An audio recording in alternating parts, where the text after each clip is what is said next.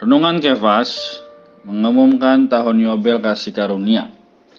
Lukas pasal 4 ayat 14 sampai 15. Dalam kuasa roh kembalilah Yesus ke Galilea, lalu tersebarlah kabar tentang dia di seluruh daerah itu. Sementara itu ia mengajar di rumah-rumah ibadat di situ dan semua orang memuji dia. Menurut ayat 15, Tuhan mengajar di rumah-rumah ibadat. Rumah ibadat adalah tempat berhimpun di mana orang-orang Yahudi membaca dan mempelajari kitab suci. Kejatuhan manusia ke dalam dosa merusak persekutuan manusia dengan Allah, membuat semua manusia mengabaikan pengetahuan akan Allah. Ketidaktahuan ini pertama-tama menghasilkan kegelapan dan kemudian kematian.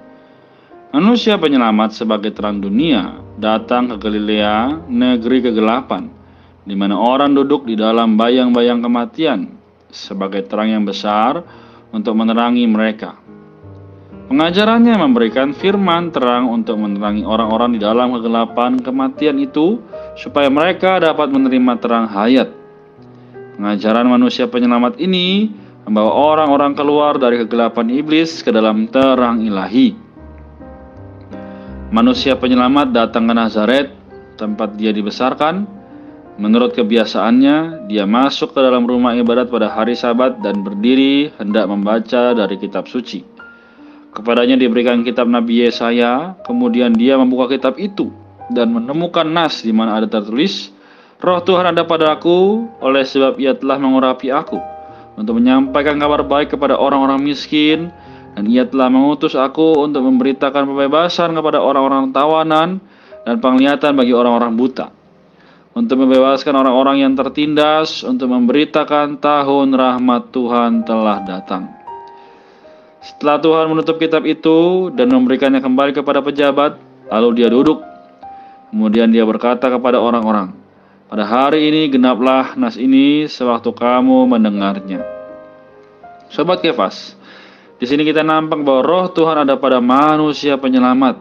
Karena Allah telah mengurapi dia untuk menyampaikan kabar baik kepada orang-orang miskin.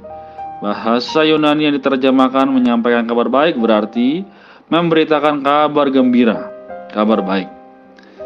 Memberitakan Injil adalah amanat pertama penyelamat sebagai yang diurapi Allah, Mesias. Kabar baik harus diberitakan kepada orang-orang miskin, yaitu miskin dalam hal-hal surgawi, rohani, dan ilahi.